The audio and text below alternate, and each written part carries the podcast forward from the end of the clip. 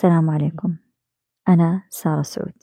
معكم في بودكاست أشياء بسيطة. وموضوع حلقتنا اليوم محاور السعادة. طيب لو سألتكم إيش الفرق؟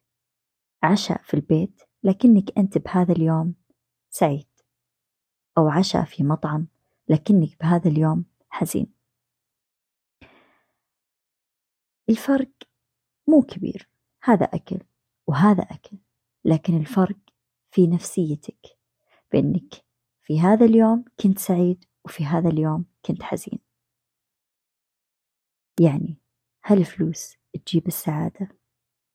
أنا ما راح أكذب عليكم وأقول لكم لا الفلوس تجيب السعادة لكن مو هي أساس السعادة. الفلوس تعتبر شيء إضافي يزيد السعادة الحالية.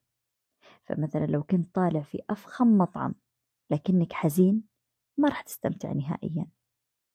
ولو كنت جالس بالبيت وطابخ لنفسك ذيك الطبخة وأنت مبسوط وتضحك بتشوف إن الطبخة اللي أنت طبختها ألذ أكلة أكلتها بحياتك.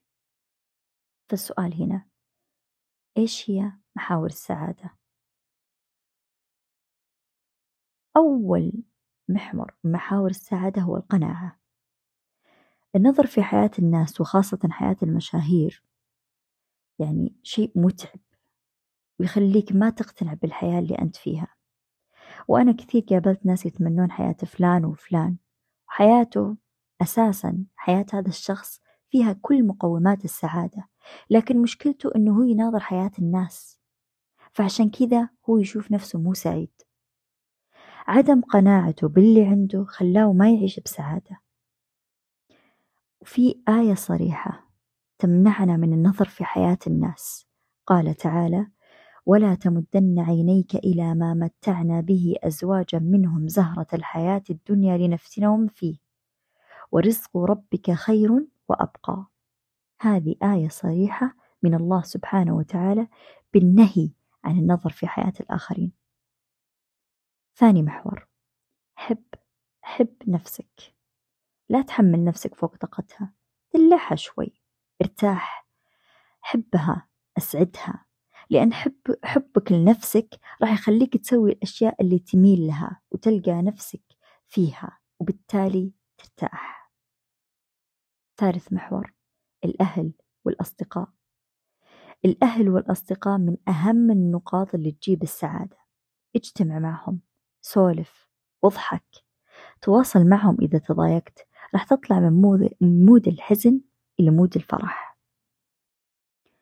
خامس محور. وهذا ترى أساسي وجدا مهم. الأخلاق. تدرون أن الأخلاق دخل قلبك السعادة؟ الأمانة والصدق والطيبة والإحترام كلها من مقومات السعادة. التعساء هم اللي عندهم الكذب والنفاق والغدر وغيرها. لأن عقل عقلهم وقلبهم مو صافي ولا مرتاح. قال الرسول صلى الله عليه وسلم ما من شيء أثقل في ميزان العبد المؤمن يوم القيامة من حسن الخلق وإن الله ليبغض الفاحش البذيء. رواه الترمذي وصححه الألباني.